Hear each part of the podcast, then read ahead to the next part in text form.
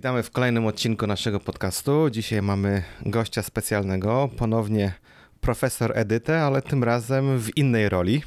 Dzień dobry tym razem w roli organizatora Wielkiej Orkiestry Świątecznej Pomocy w Tokio. No i zaczynamy. Pierwsze pytanie. Kiedy pierwszy raz zorganizowano tą Wielką Orkiestrę Świątecznej Pomocy i jak to się stało, że w tym uczestniczysz? Przede wszystkim bardzo mi miło, że zaprosiłeś mnie jako przedstawiciela. E, takim całym pierwszym założycielem WOŚP-u e, i pomysłu to był chyba Łukasz Jakubowski razem z Zacharym po Piołkiem. 25 e, finał zorganizowali w ambasadzie wtedy jeszcze i to, była, to był finał, na którym mnie jeszcze wtedy nie było. Była tam muzyka, były aukcje na żywo, taka mała impreza w sumie. I tak z roku na rok to wszystko się zaczęło rozrastać. Mieliśmy kilka imprez w Haremamy, w, w Dajkaniamie. To jest taki klub, który już wcześniej współpracował współpracował z Instytutem Polskim, dlatego też myślę przyjął nas trochę z otwartymi rękami i mogliśmy za darmo wynająć lokal. W międzyczasie chyba 28 finał był zorganizowany w Shibui, e, w takim klubie dwupiętrowym, ponieważ wtedy Haremame nie mogło nas przyjąć. I... O Boże, pamiętam to, tam się czekało dwie godziny, żeby wejść na górze, tak. bo tyle osób nie mogło wejść na pięterko, bo tam były jakieś limity odnośnie ilości osób. Tak, właśnie to, no ale wiadomo, organizacja takiego finału w Tokio jest trochę skomplikowana, ponieważ y, trzeba mieć przestrzeń, a wiadomo, że przestrzeń u nas jest bardzo ciężko na, dostać. Na wagę złota. tak, tak, to wagę złota to mi uciekło. E, ale teraz mamy Piotra Grzywacza, który jest y, szefem, chyba tak mogę powiedzieć, grupy Pronoya Group i on użyczył nam swój lokal na 31 mhm. finał właśnie w styczniu. E, jest to taki bardzo fajny lokal z kuchnią, otwarty i w tym roku naprawdę liczba uczestników chyba przerosła nasze wszelkie oczekiwania. Nie, nie, no to, no to super, bo czyli pierwszy raz to było prawie 6 lat temu, tak? Dobrze liczę. Tak, to był teraz siódmy był 31. Raz. Tak, to był teraz siódmy raz. To no to nieźle. Troszeczkę się tutaj dzieje, nie? No, no pamiętam najpierw tą imprezę w tym pierwszym lokalu. Mhm. Faktycznie mhm. to był taki niewielki, tam się tak windą wjeżdżały i od razu było wejście do klubu. Tak, e, tak. No to faktycznie tam było nie tak wiele miejsca. E, ta druga w Shibui, znaczy ta późniejszych, co właśnie w Shibui, jak mówiłeś, no to tak, no tam był, faktycznie kolejka była strasznie duża, ale tam też mieliśmy wtedy konkurencję, bo y, tam był Oktoberfest, który się odbywał, tak, który się odbywał tam, no w Japonii, jak już wspominaliśmy nie raz, Oktoberfesty odbywają się w zasadzie cały rok, to już wcale nie musi być w październiku. Tak. Tam mieliśmy, tak, tam mieliśmy konkurencję chyba y, niemiecką i, i, chyba też włoską, jak dobrze pamiętam. Mhm. Tak, no u Piotra tam w Pronoi, no to myślę, że to jest w ogóle bardzo fajna nazwa, Pronoja. Jak ktoś by się zastanawiał, jest to przeciwieństwo paranoi, czyli pronoja, a nie paranoja. Tak, nazwa jest naprawdę świetna. Bardzo dobre, bardzo dobre. Okej, okay, no to powiedz, no to jak w tym roku to wszystko wyglądało? Jakie tam były jakieś akcje, wydarzenia? Co tam się mhm. generalnie działo w tym roku? E, więc generalnie z roku na rok jest, e, myślę, coraz większe zainteresowanie, tak trochę więcej ludzi przychodzi i wiadomo, mieliśmy pandemię przez te dwa lata. E, przez dwa lata nie mogliśmy mieć takiej full imprezy, I tu nam bardzo pomogło Haremamy, ponieważ to jest live house i oni mieli cały sprzęt gotowy, fortepian, instrumenty, kamerę, e, kilka kamer w zasadzie, mikrofony, wszystko do live streaming, e, więc my tylko przyszliśmy z muzykami na gotowe. Oni się wszystkim zajęli hmm. i to naprawdę w trakcie pandemii świetnie wyszło, ale myślę, ludzie byli już spragnieni takiego prawdziwego spotkania w, w twarzą w twarz i tak liczyliśmy na 80 osób. Myślę, że tak około 80 osób przyjdzie. Dlatego ta strona na Facebooku dla nas jest dość ważna, ponieważ ludzie tam klikają, kto jest zainteresowany, kto nie, kto chce przyjść i to jest mhm. dla nas takie oszacowanie mniej więcej, ile osób możemy się spodziewać. A tymczasem ten, kto był, to wie, że jedzenie było w formie takiego nomichodaj czy tabechodaj, e, więc kupowało się opaskę na rękę e, w określonej cenie i w tej e, całe pieniążki oczywiście szły na fundację. Tych opasek na jedzenie nie sprzedaliśmy 126. Przy czym trzeba wspomnieć, że dzieci nie, ja, nie miały opasek, dzieci jadły za darmo do 5 roku życia. No i nie każdy kupował te opaski. Myślę, że było kilka osób, które przyszły tylko na drinka. Także jest Aha super, gigantyczny sukces uważam. E, jakie były atrakcje, się jeszcze pytałeś? E, no mieliśmy, No. w tym roku pierwszy raz próbowaliśmy z platformą Allegro, ponieważ chcemy, żeby niektóre aukcje przynajmniej były też dostępne dla osób, które nie są na finale. I w tym roku ta platforma Allegro świetnie się sprawdziła dla ludzi, którzy byli w Polsce. Także sztab Tokio wystawił kilka rzeczy, które mają okazję pojechać do Polski. Były to na przykład laleczki, kokeshi, y, kimono, dostaliśmy jedno, dwie yukaty, e, takie rzeczy. I naprawdę ludzie w Polsce licytowali. E, Także z tych aukcji e, kilka tysięcy złotych udało nam się zebrać. Myślę, że te Allegro trochę mniej zadziałało tutaj na Japonię, bo e, mimo iż rejestracja jest banalnie prosta, bo tam wystarczy podać e-mail, wiadomo, jakiś tam adres chyba zamieszkania, e, ale tak czy inaczej jest, myślę, rejestracja jest dość prosta, ale ten krok mm, może sprawił to, że ludzie w Japonii nie chcieli tak chętnie licytować, Mhm. jak wcześniej, bo rok temu mieliśmy też aukcje online i dwa lata temu i one się odbywały na line, także każdy przedmiot miał swoją aukcję, miał swój czat, e, ale to z tego wynika dużo pracy dla nas, bo wolontariusze, którzy e, mają też inne zadania, muszą w międzyczasie kontrolować te aukcje, co tam się dzieje na każdym czacie jak mamy powiedzmy 100 przedmiotów, bo chyba tak było w tamtym roku na różnych czatach, to jest naprawdę bardzo dużo pracy dla nich, a nie wszyscy wolontariusze są pełnoletni, e, więc oni nie mogą albo na przykład nie wiedzą, jak się tym zajmować. Nie wszyscy wolontariusze są też polskojęzyczni, więc to są dodatkowe problemy. Także teraz tak z perspektywy tego finału i kilku ostatnich lat, myślę, że pozostaniemy przy platformie Allegro, ale przede wszystkim aukcje na żywo. Myślę, że to jest coś, na co ludzie czekali, bo to jest taka fajna atmosfera, pokazujemy, co jest, opowiadamy o tym i myślę, że ludzie się bardziej przekonują niż tylko, kiedy przeczytają opis, zobaczą zdjęcie i nie mają takiego żywego kontaktu z nami. Przy okazji byli, były na sali osoby, które podarowały te przedmioty czy jakieś usługi. E, Mhm. Więc to jest też chyba dla nich bardzo fajne zobaczyć, że wow, to jest, e, jest to jakaś tam prawdziwa osoba, która to licytuje i ktoś się naprawdę cieszy z takiej aukcji wygranej. I chyba o to w tym wszystkim chodzi, bo my idąc za tym, jak WOŚ funkcjonuje, e, chcemy wnieść przede wszystkim radość. Nasza cała inicjatywa, my z tego nic nie mamy, w takim sensie, że ani nie mamy korzyści finansowych, wszyscy, każdy z nas jest albo studentem, albo uczniem, albo ma pracę, więc wszystko to robimy po godzinach, e, w międzyczasie, ale ta satysfakcja, którą daje cała ta impreza, cały finał, ta, ta cała miłość, która idzie od ludzi, którzy przychodzą i chcą się podzielić tym, co mają, jest niesamowita. I myślę, że tak jak fundacja funkcjonuje i pokazuje, że można e, w tych czasach, kiedy jest tak dużo hejtu gdzieś w internecie, że można ciągle wspierać się i pomagać sobie, jest naprawdę super. Że aż brak mi słów. Nie, bo właśnie miałem się spytać, jak, jak wyglądało właśnie, mówiłaś o wolontariuszach, jak wyglądało właśnie wsparcie i zaangażowanie tej społeczności no, polskiej i japońskiej, bo mówię, że też nie wszyscy mówili, e, mówili po polsku. Więc e, jaka to jest liczba tych wolontariuszy? E, Mieliśmy do tej pory 8 wolontariuszy, a w tym roku złożyliśmy podanie o 10, bo to jest tak, że my najpierw występujemy o ilość wolontariuszy i fundacja nam przyznaje konkretną ilość taką, jaką chcemy, może mniejszą, bo może stwierdzą, że po co nam 20 wolontariuszy, prawda? Przecież to nie jest jakaś wielka impreza. E, No tak. Więc my wystąpiliśmy o 10 i w tym roku te miejsca zajęły się tak szybko, że nawet nie mieliśmy czasu ogłosić na Facebooku, że robimy rekrutację, bo ludzie, ludzie zaczęli sami pisać e, przede wszystkim do mnie, do Łukasza, e, bo Łukasz jest ciągle szefem, powinnam wspomnieć, Łukasz Jakubowski. To po prostu nawet mieliśmy więcej chętnych niż e, miejsc. E, oczywiście zapraszamy, każdy kto chce może przyjść pomóc, nie trzeba być wolontariuszem z identyfikatorem, można po prostu przyjść na samą imprezę i powiedzieć, jeśli jest coś do pomocy, chcecie pomóc, e, macie coś do zrobienia, to jestem chętny, żeby wam pomóc. Takie osoby przyjmujemy i e, wystawimy jakieś podziękowanie, ale bez identyfikatora na przykład. Także każdy, kto chce pomóc, może przyjść. A właśnie, bo, mhm, bo mówiłem, że też e, byli Japończycy, więc jak w ogóle do nich trafiła cała ta akcja? Jak oni to w ogóle zrozumieli, że, że co tutaj się dzieje?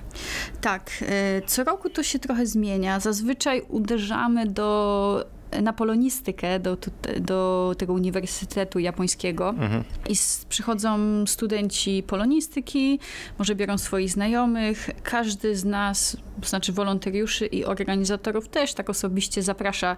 Mówi o inicjatywie, z, na przykład ode mnie, z uczelni, z pracy też przyszła koleżanka z synem, y, kolega przyszedł też, y, profesor, czyli profesorowie powiedzmy, jeden z nich jest Turkiem, ona jest Chinką. W tym roku było bardzo międzynarodowo, przyszli ludzie z różnych krajów e, i myślę, że to bardziej taką pocztą pantoflową się roznosi, że o, ja robię, jestem wolontariuszem, tutaj jest taki finał, może przyjdziecie na imprezę, zobaczycie, co się dzieje. Ja osobiście, jak zapraszam ludzi, to mówię, że możecie po prostu przyjść na imprezę, posłuchać muzyki, nie musicie nawet dawać pieniędzy, jeśli nie chcecie, bo to jest wszystko dobrowolne, ale przyjdźcie, zobaczcie, y, będzie fajna. W tym roku była muzyka kubańska. I O właśnie, tak. właśnie. To powiedz, jak, jakie właśnie były atrakcje i te całe występy artystyczne? E, Tak, o, jest dużo do opowiedzenia.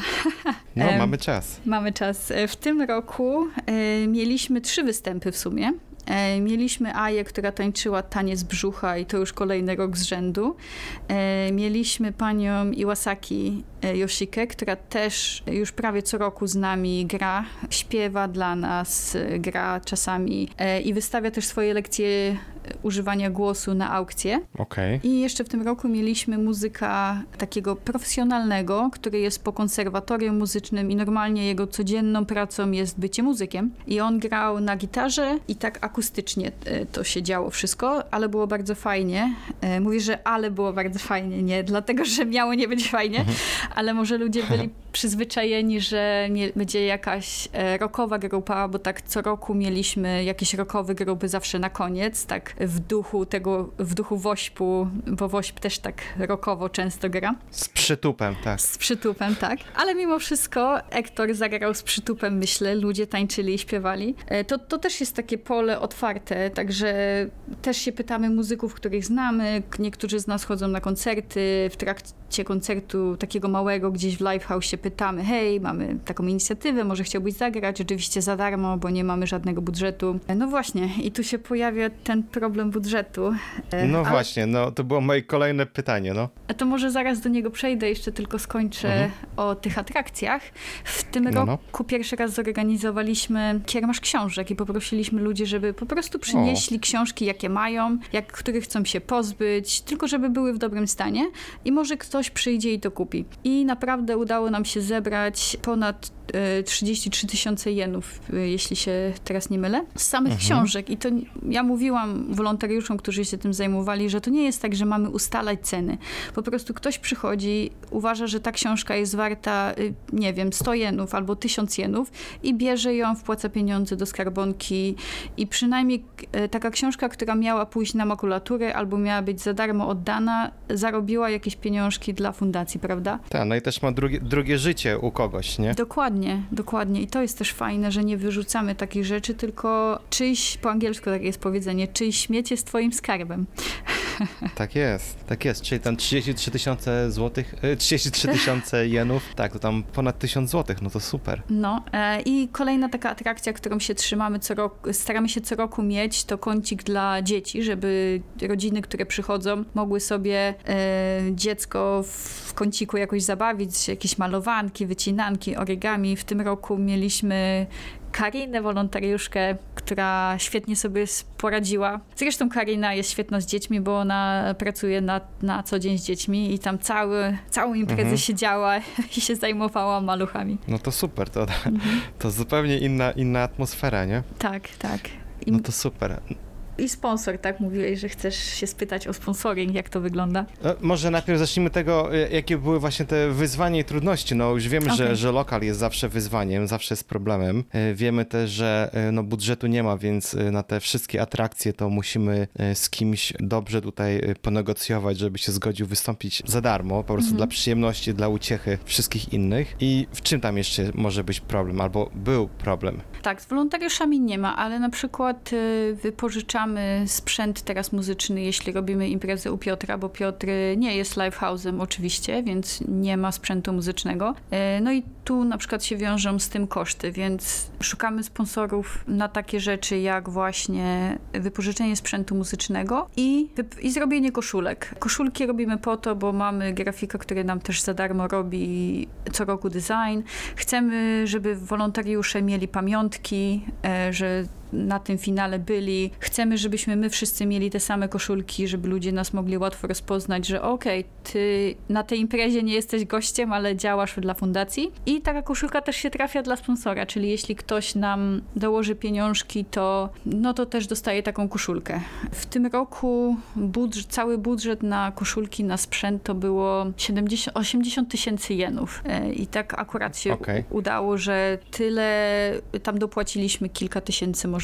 Także wszystko udało nam się ładnie zamknąć, ale w tym roku jeszcze było trochę inaczej z jedzeniem, bo co roku, jeśli mieliśmy te kluby y, gdzieś tam w Tokio, które normalnie za wypożyczenie kasują kupę pieniędzy, więc mu, my Mhm. mówimy takim klubom, ok, to sprzedajcie sobie alkohol, sprzedajcie jedzenie, snaki, co chcecie i te pieniądze są dla was, wiadomo, bo za darmo nam dają lokal swój czas. W tym czasie mogliby mieć imprezę i po prostu zarabiać pieniądze. Ponieważ Piotr y, tak nie działa, y, mo, powinna mówić, że to się nazywa Studio X, może nie Piotr, ale Studio X tak nie działa. Tak. I znalazł się sponsor, który nam dołożył ponad 10 manów. Bartek zapłacił 10, ponad 10 manów za to całe jedzenie i powiedział, że te wszystkie pieniądze nie chce nic z powrotem. Zresztą według regulaminu WOŚP nie możemy zrobić imprezy, gdzie my wkładamy pieniądze i potem odzyskujemy te pieniądze ze sprzedaży czegoś. No tak, tak. Także to nie wchodzi nawet w grę. E, I dzięki Bartkowi e, były polskie pierogi, były pączki, były, e, było piwo, które przyjechało aż z Kansai. Przemek, który robi piwo w, w Hino Brewing, e, sprzedał nam je po kosztach produkcji, czyli też nic na tym nie zarobił. Ba, stał całą imprezę z, e, we dwoje tam stali i obsługiwali klientów, więc wow, czapki z głów. E, Michał Zakity, którego znasz bardzo dobrze, wysłał Mhm. nam cały karton kiełbasek, nie wiem ile ich tam było, z 200 może. Także też e, zasponsorował je od siebie. No i te, i to, to całe jedzenie i picie, e, jeszcze tam były inne napoje, zarobiły 300 tysięcy jenów. Także No to super. Także to jest coś niesamowitego. Te, te pieniądze normalnie byłyby dla klubu, wiadomo, bo muszą zarobić. Może, Mhm. może nawet by tyle nie zarobili, nie wiem, bo, No pewnie nie. bo nie ma jedzenia zazwyczaj, prawda? Mamy mało jedzenia. Zazwyczaj jest picie w takich klubach. Tak. Także to są rzeczy, na które potrzebujemy sponsorów, więc tak realnie się teraz patrząc, no to powiedzmy z 20, 200 tysięcy jenów idzie na zorganizowanie takiej imprezy w Tokio. Okej, 200 tysięcy, czyli około 6 tysięcy złotych, tak? Nie, więcej nawet. Okej. I właśnie, no to e, jak było polskie jedzenie, no to powiedz, były jakieś właśnie jakieś konkursy, gdzie można było wygrać, nie wiem, jakąś e, kiełbaskę, polską pierogi, czy jakieś tam inne przysmaki. I jak, jak w ogóle Japończycy na to reagowali, no bo to jest przecież zupełnie inna kuchnia. Tak, e, konkursów żadnych nie było, także jak się kupiło tą banderolę, e, czy tam opaskę na rękę, to można było sobie jeść, e, dopóki starczyło jedzenia, tak to powinnam ująć. Aha. Ja sama upiekłam cztery ciasta czekoladowe na tą okazję, także były tam na O. bufecie, jak ktoś chciał spróbować. I jeszcze Michał, kucharz, też nam profesjonalne ciasto marchewkowe, piękne zrobił. Ale na aukcji były pierniki, nie pierniki, przepraszam, ciasteczka, takie duże ciasteczka w kształcie serduszka, e, które zrobiła właśnie córka Michała. Były miody od Beaty z Honey and, and Pottery, która ma sklep w Maebashi, sprzedaje polskie miody i Bolesławca, pod kubeczki i takie różne rzeczy z Bolesławca. I w, Okej. wcześniej nam też zawsze oferowała to. Także Beata nas co roku wspiera. W tym roku dostaliśmy fenomenalne dwa miody, które nawet do, dopiero co zaczyna sprzedawać. Jeszcze nawet nie były w sklepie chyba, jak wystawialiśmy je na Wośpie. E, No i one, każdy z tych miodów został sprzedany za 5 tysięcy chyba jenów, o ile się nie mylę, na e, aukcjach, e, na, na żywo, na, Mhm. na scenie. Więc to nie ma takiej nagrody jako takiej, że robimy konkurs, tylko robimy aukcję na Mhm. żywo i kto da więcej, to może sobie taką aukcję wygrać. A z aukcji na żywo mieliśmy wspaniałe rzeczy. Mieliśmy kolację u, w restauracji Marks Tokyo w Meguro, O. która ma takie bardzo małe menu, że są, jest tylko na przykład pięć potraw. y, więc nie ma jakby z czego wybierać, ale jest włos, to jest kuchnia włoska z twistem japońskim, bo kucharz jest pół Włochem, pół Japończykiem, który się wychował w Stanach i tam skończył szkołę kulinarną. Jedzenie Pół Włoch, pół Japończyk Tak. w Stanach, tak. E, I tylko powiem, że ta kolacja to była dla dwóch osób o wartości dwóch manów. E, I, i, i za tyle poszła. E, I wiem, że osoba, która ją wygrała, już za kilka dni tam będzie. Także to też jest O, dla no mnie super. jest super, że ludzie, wiesz, to wykorzystują i idą i się bawią dobrze dzięki temu. Było mnóstwo fajnych aukcji, aż uf, ciężko wymienić wszystkie. A były jakieś właśnie rzeczy związane z Polską? Jakieś takie polskie gadżety, tak. czy jakieś tam pamiątki, czy coś takiego? Tak, bo się pytałeś jeszcze, jak Japończycy też reagują na to wszystko, więc studenci, na przykład ludzie, którzy się uczą języka polskiego, są trochę zainteresowani kulturą polską, przyszli. E, Mhm. I oni właśnie chyba też szukali takich książek na przykład albo jakichś em, drobnych gadżetów związanych z Polską i myślę, że to im się też podobało. E, Wiem, że mieliśmy na aukcji książki do nauki polskiego, dwa słowniki polsko-japońskie i one też poszły. E, A przede, Okej. przede wszystkim też mamy fajne rzeczy, które przychodzą z fundacji, takie unikalne koszulki, małe, duże, jakieś inne rzeczy, które teraz mi ciężko. O, kalendarz był, kilka kalendarzy zawsze jest, czy są z, pod, z podpisem Jurka, niektóre, niektóre bez. Te rzeczy też schodzą i z takich rzeczy mamy zazwyczaj sklepik i ustalamy jakąś cenę z góry, powiedzmy, może trochę wysoką, ale to wiadomo, pieniądze nie są dla nas.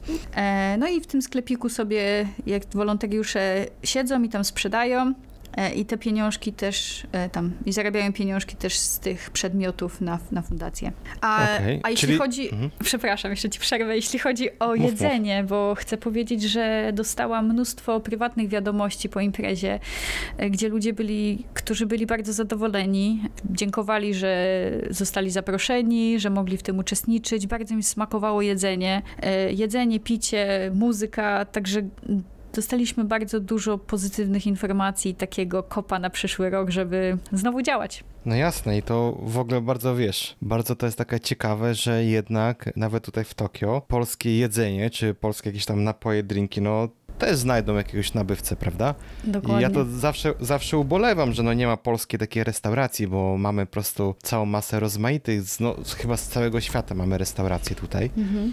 A Polski jakoś y, nie ma, no nie utrzymała się, była tam kiedyś jedna, ale się jakoś nie utrzymała. Mhm. No to może tutaj jest jakaś e, szansa właśnie dla, dla Piotra, klubu X, grupy X, na zrobienie, na zrobienie może jakiegoś zalążku polskiej e, restauracji. No bo nawet jak kiedyś były te targi, przecież były w Nagoya, były takie wielkie targi, targi, no to przecież były dwie kolejki. Jedna była kolejka do, do polskiej kuchni, a druga była kolejka do, na stoisko, więc myślę, że Japończykom na pewno mogłoby coś posmakować takiego polskiego. Myślę, że tak. No ale no więc no jest jakaś szansa na biznes. Jeszcze, jeszcze e, pamiętaj, że była restauracja w północ od Tokio, e, którą prowadziła Agnieszka. E, ojejku, Smok A, Wawelski. Smok, smok wawelski, no, no, no. Utsunomiya. O, Utsunomiya. Tak, Utsunomiya, no. Tylko, że myślę, Agnieszka przeszła na naleśniki ostatnio, o ile się nie mylę i nie wiem, czy ta restauracja ciągle funkcjonuje, czy nie. Okej, no kiedyś tam byłem u niej, szczerze mówiąc. Mhm. Ja E, też, no, ja no, też. Ale to jest, ale to, to właśnie problem jest taki, że widzisz, jak, jak ona jest w Utsunomii, no to tam nie ma takich klientów, żeby tam z ulicy weszli, czy tam y, z zaciekawienia. Tam zasadniczo to wszystko jest na, y, trzeba się umówić i tak dalej, no bo ona też nie gotuje jakby na bieżąco i to tak nie schodzi, nie? Tak, więc, tak. e, więc myślę, że tutaj w Tokio to byłoby zupełnie inne podejście, no ale W- tak, no cóż, no takich Tokio. polskich smaków brakuje, no i czasami też tutaj zachodzę do, do jakichś innych restauracji, no nawet byliśmy kiedyś tam w takich e, bardzo zbliżonych smakowo, czy tam e, w bułgarskiej, w rosyjskiej, czy, czy w Mhm. ukraińskiej, coś, Tak, tak. coś około, wszystko około, ale no nie z Polski, nie? Nie. No jeszcze jest pączkarnia, ale ta pączkarnia, no i właśnie stąd były pierogi, ale Mhm. no ona jest trochę daleko, bo to Keio Line, trzeba się przesiadać ze dwa razy, wiadomo, ludziom się nie chce jechać e, samochodem, nie ma gdzie za bardzo tam chyba zaparkować, bo to takie małe miejsce i generalnie, tak jak mówisz, w Tokio, takim Tokio, o którym my myślimy, że jest gdzieś tam e, ważnym, ważną częścią całego miasta, gdzie są firmy, biznesy, uczelnie, nie ma.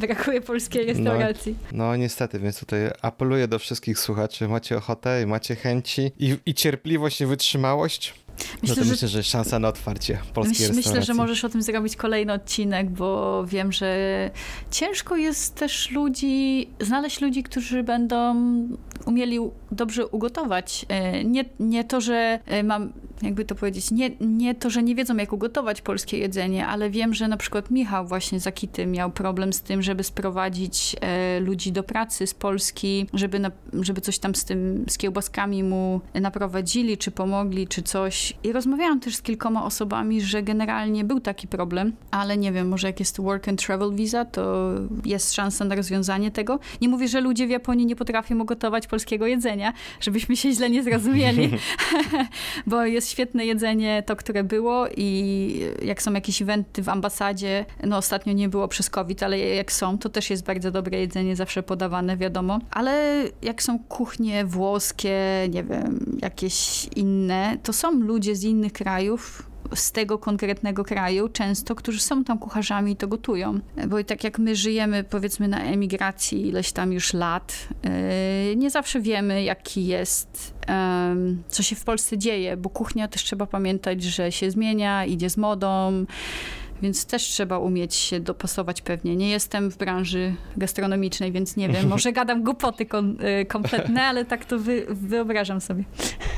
Nie, nie, tutaj masz rację, wiesz, jak ja też żartowałem, że jakby tutaj e, moja mama chciała na emeryturę przenieść się do Japonii, byśmy tutaj otworzyli restaurację, to byśmy tutaj byli milionerami po prostu, no bo nikt tak dobrze nie gotuje jak mama. Dokładnie. więc, e, więc, e, ale tak jak mówisz, no to jest właśnie taki problem, nie, że to nie tyle, nawet jak ostatnio, jak byliśmy na spotkaniu w ambasadzie na Polskiego Klubu Biznesu, to właśnie tutaj od Piotra ekipa ugotowała i ja byłem w szoku, no bo to smakowało bardzo dobrze, smakowało tak po polsku, jak powinno, czyli oznacza to, że są te wszystkie potrzebne składniki, gdzie się można kupić, znaleźć i odpowiednio przyrządzić, tylko no sęk w tym, że to trzeba też właśnie umiejętnie i odpowiednio ugotować i zrobić, żeby ten smak był taki prawdziwy, nie dolać tam gdzieś sioju, tak jak no, tak jak Japończycy y, dodają, czy tam za dużo soli i tak dalej, więc Mhm. ja, ja, też, ja też wiem, że wiele tych restauracji, które są takie bardzo jakieś tradycyjne, y, no to czasami też mają problem, no bo muszą troszeczkę, jeżeli chcą, żeby ich klienterą byli y, właśnie przed rodowici imigranci, którzy tutaj mieszkają od lat i chcą takiego prawdziwego swojego smaku spróbować, no to wtedy, no to wtedy jest okej, ale jeżeli tam mają zachodzić Japończycy, no to czasami muszą dostosować ten smak do tych właśnie kubków smakowych japońskich, no i czasami to robi się coś zupełnie innego. Y, Kiedyś tam gdzieś y, czytałem rozmowę dwóch gości mówiło, że jaki super barszcz jadł tam w tym sok, y, y, zup stok, nie? Jest taki Mhm. sklep, gdzie można kupić zupę i mówi, że jaki super barszcz i ktoś tam po nim pojechał, że człowieku, to nawet koło barszcza nie stało. To jest w ogóle coś zupełnie innego, tylko z nazwy Wiem. to się barszcz nazywa. Wiem, o czym mówisz. Jest taka zupa, która jest jakby trochę bardziej rozwodniony gulasz, która jest bardzo smaczna, Tak. ale nie wiem, dlaczego się nazywa barszcz. To zdecydowanie nie jest barszcz, ale tak, bardziej, bardziej gulasz. No ale no właśnie to jest to, nie? To jest to i, i myślę, że jakby zrobić jakąś taką fajną polską restaurację, żeby także ten taki brand polski, taki rozpoznawalny e, był, no to myślę, że, że szansa jest. No i tutaj nawet jakby była, wiesz, jakiś właśnie e, Wielka Orkiestra Świątecznej Pomocy, e, która byłaby gdzieś przy kuchni, przy jedzeniu, albo zrobić w ogóle jakąś akcję w plenerze, no to myślę, że moglibyśmy tutaj pobić te Oktoberfesty Pewnie to tak. byłaby jakaś szansa, byłaby jakaś szansa, nie? Mhm. A powiedz mi, a czy, y, no bo jak w Polsce wiadomo, jak, jak jest cała akcja, no to są ludzie na ulicy, y, zbierają do puszek w różnych miejscach. Czy, czy w Tokio też takie rzeczy robicie, czy to wymaga jakiegoś, nie wiem, odmien- e, jakiegoś tam innego zezwolenia? Czy jak to w ogóle prawnie to wygląda? Tak, prawnie to wygląda tak, żebyśmy musieli mieć pozwolenie, pewnie zarejestrować fundację i wtedy dopiero zbierać na ulicach i prosić ludzi o, o wsparcie. Także nie możemy tego zrobić poza tym miejscem imprezowym, gdzie mamy imprezę. A, okej. No i, okej, i stąd czyli- się też bierze problem sponsoringu tak naprawdę, bo dla firm, jakichś dużych firm, to nie jest problem e, dać 10 tysięcy jenów, może nawet 50 tysięcy to nie jest problem, ale nie mamy, nie możemy wystawić rachunku i oni sobie nie mogą odpisać tego od podatku. Więc sponsorzy, których mamy, to wykładają z własnej prywatnej kieszeni po to, żeby wesprzeć fundację i wesprzeć naszą imprezę. No tak, no to to ma sens, no bo faktycznie, jeżeli jakby nie ma takich ludzi z zewnątrz, czyli nie ma tej takiej jakby ekspozycji na zewnątrz, poza lokal, to no to faktycznie no to sponsoring jakby no ma, ma inny cel. I tu właśnie też miałem się spytać, czy była w ogóle jakaś reakcja japońskich mediów, czy, czy gdzieś jakieś info się pojawiło, nie wiem, w gazecie, czy, czy, czy cokolwiek. Ja szczerze E, mówiąc nie. nic nie widziałem. Nie, nie, w japońskich, japońskie media nie piszą o tym. Tak na dobrą sprawę nie wiem, czy wiesz, czy powinny. Może powinniśmy zarejestrować najpierw fundację, żeby zrobić taką imprezę, jak robimy.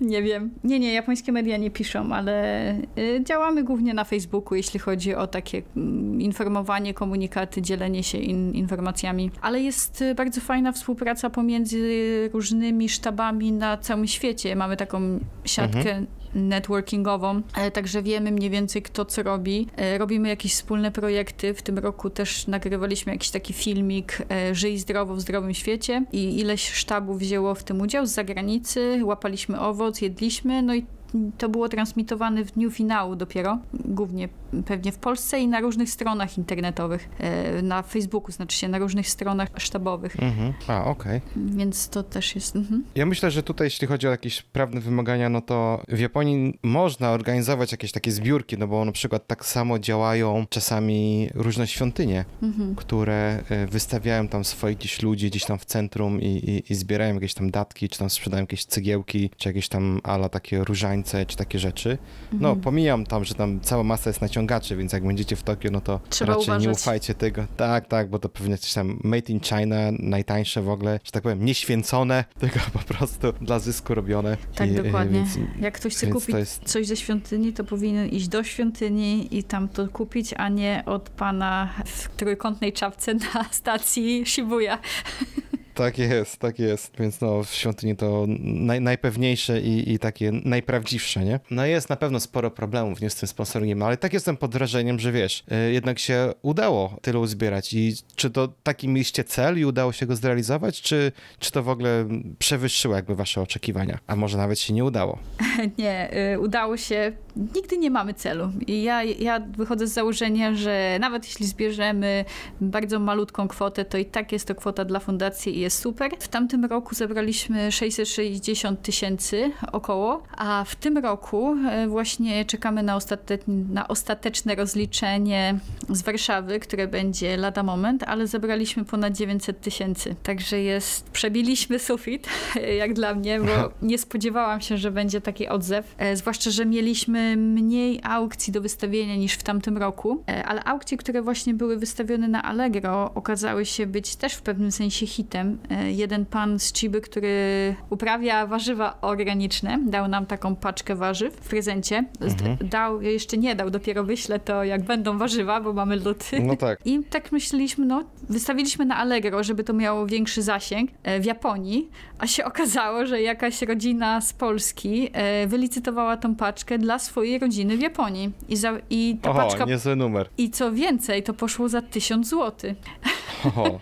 Także to było No to coś, czego się nie spodziewałam. E, Więc są takie bardzo miłe zaskoczenia, że wow, taka aukcja, że my się nie spodziewaliśmy, że e, na przykład dużo zarobi, e, bo widzimy to może przez perspektywę swoją, prawda? Dla Mhm. kogoś jest super wartościowa. Mieliśmy takie gadżety też z Pols- z- w Japonii, na przykład laleczka była polska w stroju polskim i takich kilka różnych rzeczy mieliśmy, małych, które też nie, nie wiedzieliśmy, czy komuś się spodobają, czy ktoś je zauważy, a tymczasem zniknęły, zostały sprzedane i super. O, czyli były jakieś takie bardzo jakby popularne polskie produkty. Było kilka takich rzeczy, tak. My jak co roku prosimy ludzi różnych tu w Japonii, pytamy się, czy ktoś by chciał coś oferować. Była lekcja malowania, poza tą kolacją była noc w Ksatsu, takim mieszkaniu, które będzie też na Airbnb niedługo. I kilka takich nie, nie tylko właśnie rzeczy fizyczne, ale też usługi. Mamy też e, znajomych, którzy na przykład przywożą rzeczy z Polski i dają nam. Na przykład moi rodzice podarowali miód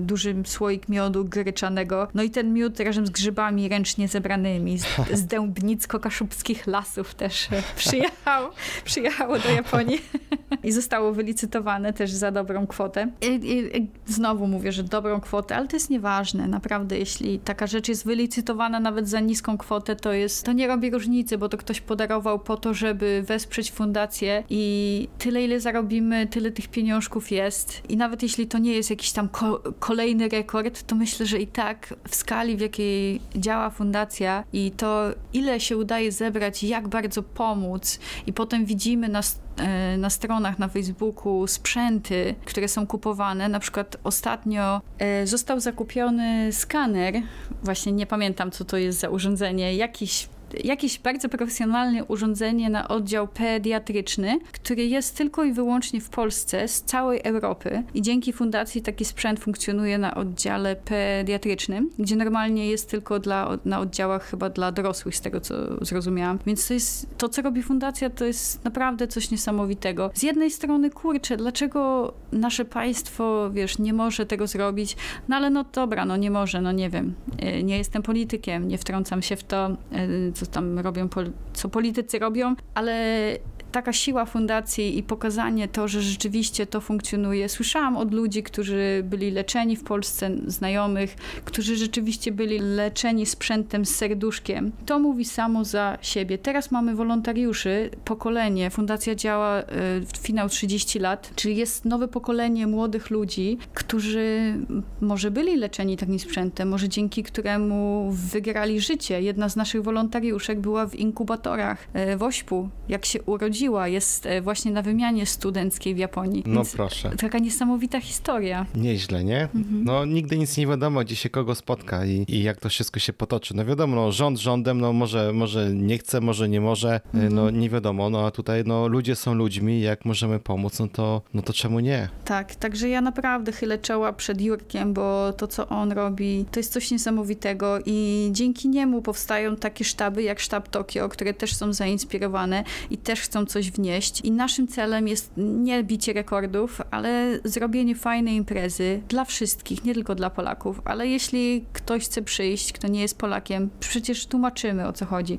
Tak jak powiedziałam wcześniej, może przyjść po prostu na imprezę i posłuchać sobie muzyki. Jak chce dorzucić swój jen do wszystkiego, świetnie, tym bardziej, będziemy bardzo zadowoleni. Ale tak naprawdę robimy to wszystko dla, w tym roku było dla sepsy, tak? Czyli dla pacjentów, którzy zostają zainfekowani sepsą, ale nie tylko, bo to będą sprzęty diagnostyczne różne. Na stronie fundacji można sobie dokładnie poczytać, jaki sprzęt zostanie zakupiony. Mhm. No wiadomo, no sprzęt, no to wiadomo, że jest jakiś cel konkretny, ale ten sprzęt może być przecież używany do, do innych rzeczy, więc Tak. to nie jest tylko tak, że to jest jakiś na wyłączność i przecież ten sprzęt jak jest w szpitalu, no to jeżeli jest, no to czemu miał być ni- nieużyty do czegoś innego, jeżeli może pomóc w jakichś tam innych chorobach, prawda? Mhm. Tak. Więc to jest, no to jest tym bardziej, wiesz, takie y, niesamowite, że no taka składka, taki właśnie przysłowiowy jeden jen może uratować komuś życie gdzieś po drugiej stronie świata, więc no to, Tak. jest, to jest niesamowite, to jest niesamowite i takie budujące. Jeszcze tak dodam od siebie, że właśnie nasi znajomi, którzy byli zaproszeni i przyszli, tak myśleli, no dobra, jakaś tam impreza charytatywna, no przyjdę się pokazać. I byli tacy, wow, jejku, nie spodziewaliśmy się, że to coś takiego. I tak, takie, takie pozytywne komentarze też są bardzo budujące dla nas, dla naszej pracy po normalnej pracy. No pewnie. A tak z ciekawości, byłeś kiedyś na jakiejś, y, jakiejś innej charytatywnej takiej imprezie, czy jakimś takim właśnie evencie gdzieś tutaj organizowanym w Japonii? Nie, w Japonii nigdy nie byłam. Tylko Wiesz co, ja, ty byłeś? Nie, nie, to jest tak właśnie się zastanawiałem, że przez tyle lat, szczerze mówiąc, nigdy nie widziałem jakiejś takiej imprezy, która byłaby ogólnokrajowa, czy, czy nawet w jakimś w jednym mieście, że zbierają na jakiś konkretny cel albo na jakąś konkretną pomoc komuś, nie? Tak jak w Polsce tam mamy Tak. e, różne tam inicjatywy, czy tam się e, zbiera jakieś pieniądze tam na jakieś, na jakieś chore osoby i tak dalej. No to w Japonii czegoś takiego nie widziałem, szczerze mówiąc. A wiesz co, tu popełniłam błąd, bo jednak byłam, właśnie mi się przypomniało. Nie, nie jest to taka impreza charytatywna jak WOŚP, gdzie ludzie przychodzą i coś licytują albo dają pieniądz, pieniążki do puszek, ale po trzęsieniu ziemi w Tohoku brałam udział jako wolontariusz w koncercie w Fukushimie. I to był koncert organizowany przez znajomych, Jap- moich znajomych Japończyków i polegał na tym, że zaprosili osoby do grania w orkiestrze, obojętnie kogo, ktokolwiek umie na czymkolwiek grać, więc były tam od harmonijek po bardzo profesjonalny sprzęt muzyczny. I były konkretne, nie wiem ile utworów teraz nie pamiętam, ale kon, konkretne utwory, które, których nuty zostały wysłane do ludzi, którzy się zgłosili w odpowiednim czasie. I ci ludzie z całej Japonii przyjechali i stworzyli taką gigantyczną orkiestrę w Fukushimie. I bilety, które były sprzedawane na ten koncert. Cała ta inicjatywa poszła na wybudowanie, e, czy tam dobudowanie jakiejś szkoły, czy ośrodka, już teraz nie pamiętam, ale wiem, że te pieniążki poszły właśnie na odbudowanie czegoś po tym trzęsieniu ziemi. Dyrygentką była bardzo znana e, japońska dyrygent, kobieta, która, o ile się teraz nie mylę, nazywa się pani Nishimoto. A inicjatywa tej imprezy to nie była taka, że o, zbieramy pieniążki, bo tu była, zła, była tragedia, tylko oni chcieli zrobić coś fajnego, takiego takiego fun dla ludzi z Fukushimy, bo ciągle było takie w Japonii, ojej, tak nam przykro i smutno, a oni chcieli, żeby ci ludzie poczuli prawdziwą radość i chcieli zorganizować fajny event i wpadli na to właśnie, żeby był to koncert, że ludzie z Fukushimy, żeby sobie przyszli na koncert po prostu. No i wiadomo, że pieniążki to normalna była cena za, ten, za bilet, powiedzmy tam 2000 jenów czy coś. I cała ta arena to było w takim, w jakiejś sali gimnastycznej, ale takiej dużej, gdzie są e, mecze. Była cała Mhm. wypełniona. Pamiętam, że był tłum ludzi, którzy przyszli rzeczywiście na, na ten koncert i doznanie niesamowite. Było to piękne. Hmm. Poza tym to nie ma takich eventów. No. No tak, no tutaj to była wielka tragedia i jakby takich eventów to było cała masa na całym świecie, tak samo jak teraz dla, dla Turcji, prawda, czy tam Tak. dla Ukrainy, yy, wiadomo, ale tutaj no, no taka polska orkiestra, no to to jest faktycznie, to jest ewenement ogólnoświatowy, no bo przecież no nie ma czegoś takiego gdzieś indziej, żeby no właśnie celowo na szpitale czy na pomoc Tak. zbierano darowizny. Mhm. Nie no, to super, no to super, no to myślę, że próbuję w takim razie też jakoś pomóc jeszcze raz w przyszłym roku. Zapraszamy. Może tak, y, może tutaj przez podcast też zrobimy jakąś aukcję, licytację, Super. coś pomyślimy na ten temat. No, no bo to nigdy nic nie wiadomo. Może wylicytujemy, Mareku, gościa do twojego podcastu. Może ktoś będzie chciał być gościem i musi... I za to, kto wygra taką aukcję, będzie coś mógł opowiedzieć.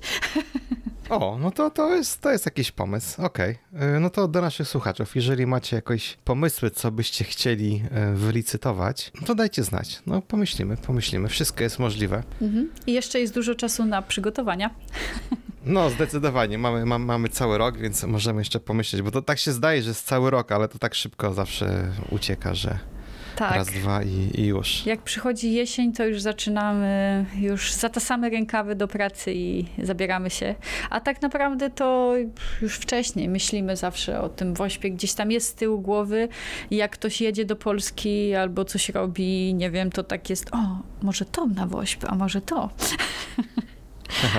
No tak, no jest jakby cały czas, nie? Gdzieś tam w głowie się, y, się to trzyma i no i tak, no tutaj jak wiesz, jak się zaangażowało y, umysł, no to zaangażowało też się serce i wiadomo, jeżeli można pomóc, no to, no to czemu nie? Dokładnie, dokładnie. No to super. Okej, no to dzięki wielkie za tutaj przybliżenie całego eventu, jak to wszystko wyglądało i opowiedzenie nam. No cóż, no zapraszamy w przyszłym roku, bo może nawet y, wiele osób nawet nie słyszało, że jest taki event w ogóle w Tokio organizowany. Tak, okazuje się, okazuje się, że nie, że nie docieramy do wszystkich mimo naszych starań. E, ogłaszamy się na różnych grupach facebookowych. E, może nie każdy otwiera Facebooka, może nawet nie ma konto, więc ciężej jest dotrzeć. Także Marku, bardzo Ci dziękuję, że wpadłeś na taki pomysł, żeby zrobić jeden odcinek o naszym wośpie. Może to kogoś zmobilizuje. Proszę bardzo. No, ja też sam się dziwię, bo czasami mam jakieś info od, czy jakieś wiadomości do- dostaję od jakichś e, właśnie Polaków, którzy mieszkają w Japonii, których absolutnie nie znam. Ja nawet nie wiedziałem, że są i oni też mówili, że gdzieś przypadkowo trafili i, i jakoś tak w ogóle poczuli się znów powiązani tutaj e, z Polonią. Więc no mówię, nigdy nic nie wiadomo i cieszę się, że jakoś e, mogę, mogę pomóc. No to, no to super. W takim razie jesteśmy wstępnie umówieni. Dzięki. Z Edytą myślę, że jeszcze się umówimy na jakiś może inny odcinek, wtedy o jedzeniu porozmawiamy, bo A, to... z miłą chęcią. Bo to może być także ciekawy temat. Ja jeszcze raz ślicznie dziękuję. Cóż, do usłyszenia. Do usłyszenia, dziękuję. Dzięki. Cześć. Cześć.